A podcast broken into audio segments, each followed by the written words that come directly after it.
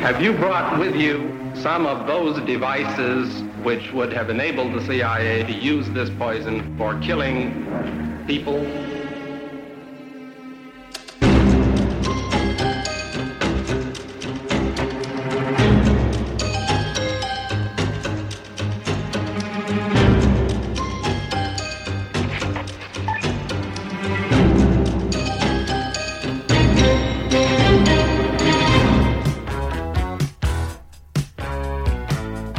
Velkommen til det hemmeligste af det hemmelige. Et program om den kolde krigs hemmeligheder. Mit navn er Anders Christiansen, og med i studiet er dokumentarist Christian Kirk Muff. Ja, Søren Sætler sat på frifod igen Og marcherer allerede i spidsen for en division af bagmænd Der med tiden skal blive til noget af en her Altså, jeg tænkte, det var interessant på ryggen af det seneste program om FE-sagen. Lars Finsen-sagen. Hjort Frederiksen-sagen. Whatever vi kalder den. Mm-hmm. Øh, øh, som jo i sin kerne handler om, at der er foregået en eller anden form for overvågning af danske medborgere. Det kan være, at de er kommet med i et net, hvor man har fisket efter udenlandske eller andre, men man har fået dem ind i nettet. Det kan også være, at man har fisket efter danske medborgere. Vi ved det jo ikke, hvad der er, der er foregået her. Mm. Øh, men der er foregået en eller anden form for overvågning, øh, som tilsynet, det særlige tilsyn med efterretningstjenesterne, har vurderet var mere omfangsrigt end det, de var blevet oplyst om.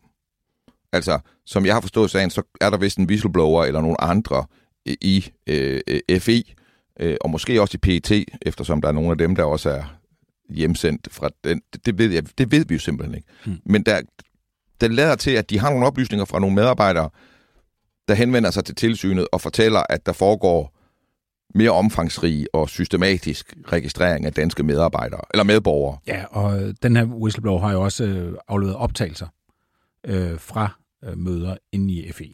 Hvilket jo er øh, ren spionfilm. Mm. Altså prøv at tænke, hvor køligt det er at sidde inde i FE og optage møder, der handler om lovbrud potentielt, og det mest særlige og hemmeligste af hemmelige samarbejder, ja. vi har med en efterretningstjeneste. Så er man altså så er man en kølig dude, eller en kølig kvinde, alt ja. efter hvem der har gjort det. Men det fører jo i hvert fald til, at, at tilsynet og forsvarsministeren føler, at de er blevet ført bag lyset, lader det til, af efterretningstjenesten, tjenesterne, og derfor sætter de i gang i den her undersøgelse, øh, som så fører til, at der kommer en konklusion, der hedder, der er ikke foregået noget forkert.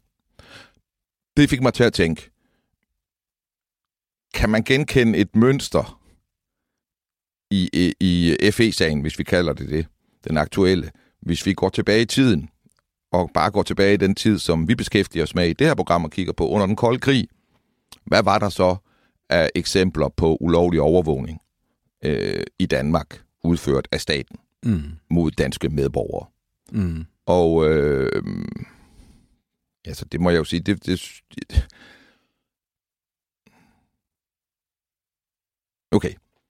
Vi bliver hele tiden overvåget ulovligt af efterretningstjenesterne. Altså, det foregår, og det vil jeg godt turde sidde og sige her, jeg, uden at skulle løfte en dokumentationskrav på det, fordi det vil i sagens natur ikke være muligt. Men det gør vi bare hele tiden. Der foregår ulovlig registrering, overvågning af danskere. Og der er i hvert fald foregået det siden 2. verdenskrig.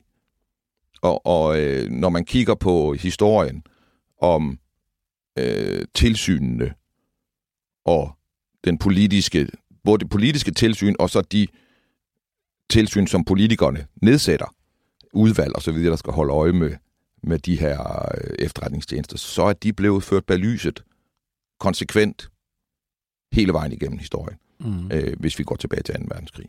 Og der findes en lang, lang, lang, lang række eksempler på det her. Og, og øh, det er fra starten sådan, at i, øh,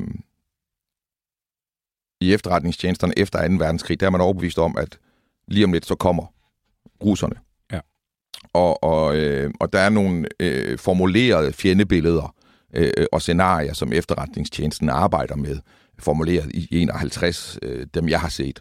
Og, og, og det er sådan med, at lige pludselig så øh, er der nogle bevæbnede kommunister, som overtager nøglepunkter i Danmark, samtidig med, at der kommer skibe, der ligger til, og øh, faldskærmssoldater, der falder ned. Præcis som vi to har diskuteret det, at det var scenariet i Sverige, Ja. hvor det var det, man frygtede, ligesom. Ikke? Ja. Det var præcis på samme måde her. Og, øh, og det begrundede, at man, selvom den officielle holdning i Danmark var, at man registrerede ikke mennesker, borgere, på baggrund af lovlig politisk virksomhed, så registrerede man fra starten alt, der lå til venstre for Socialdemokratiet. Og man registrerede fra starten store dele af Socialdemokratiet, og man registrerede også store dele af radikale venstre. Øh, altså alt det, der lå fra radikale venstre og til venstre for det, det var øh, under konsekvent overvågning og registrering. Øh, og var det hele vejen igennem. Og, og det på trods af, hvad staten hele tiden sagde om det. Og på trods af, hvad efterretningstjenesterne hele tiden sagde om det. Og, og det, det førte i øh, realiteten til et øh, berufsverbot i Danmark.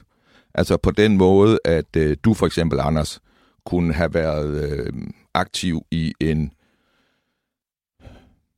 landsforening mod atomkraft eller et eller andet i 80'erne. Lad os forestille os det, øh, hvis du var lidt ældre. Og, og, øh, og så vil du blive registreret øh, øh, som værende en potentiel subversiv øh, borger, øh, som ville kunne hjælpe kommunisterne med over, en magtovertagelse.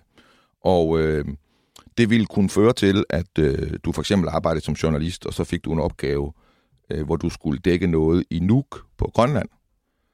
Men så kunne du ikke komme... Du kunne bare ikke komme derop. Det kunne du ikke. Hvorfor ikke? Fordi du kunne ikke komme til Grønland, hvis du ikke var godkendt. Sikkerhedsgodkendt. Grønland var et lukket land for folk, der stod i de her register. Og der findes eksempler på det. I, øh, i 1950 må en øh, marinebiolog, der er ansat på Københavns Universitet, han er ansat som assistent, forskningsassistent, han må øh, pludselig rejse hjem fra et forskningsprojekt. Og det bliver ikke rigtig klart for hans kollegaer, hvorfor. Og øh, fire år senere, så skal man derop igen og lave et nyt forskningsprojekt. Og der kan han ikke få lov til at rejse med dem, får de at vide. Og det er, fordi han er registreret som øh, tilhørende et eller andet øh, øh, organisation eller parti, eller har skrevet under på en stillerliste til et øh, parti, eller har abonneret på Land og Folk, øh, øh, eller andet, som i efterretningstjenestens meget, meget brede forståelse af, hvad der kan føre til, at man bliver en fare for statens sikkerhed, øh, øh, er blevet registreret, og, og dermed er blevet afskåret fra muligheden for at tage til Grønland og udføre sit arbejde. Mm. Så Grønland var, var simpelthen en sikkerhedsmæssig... Så er der ikke mere for den statsbetalte 25 øre. Efter 24-7's lukning er Det Hemmeligste af det Hemmelige blevet en podcast, du skal betale for. Gå ind på hjemmesiden dethemmeligste.dk og læs mere om, hvordan du fortsat kan lytte til Det Hemmeligste af det Hemmelige.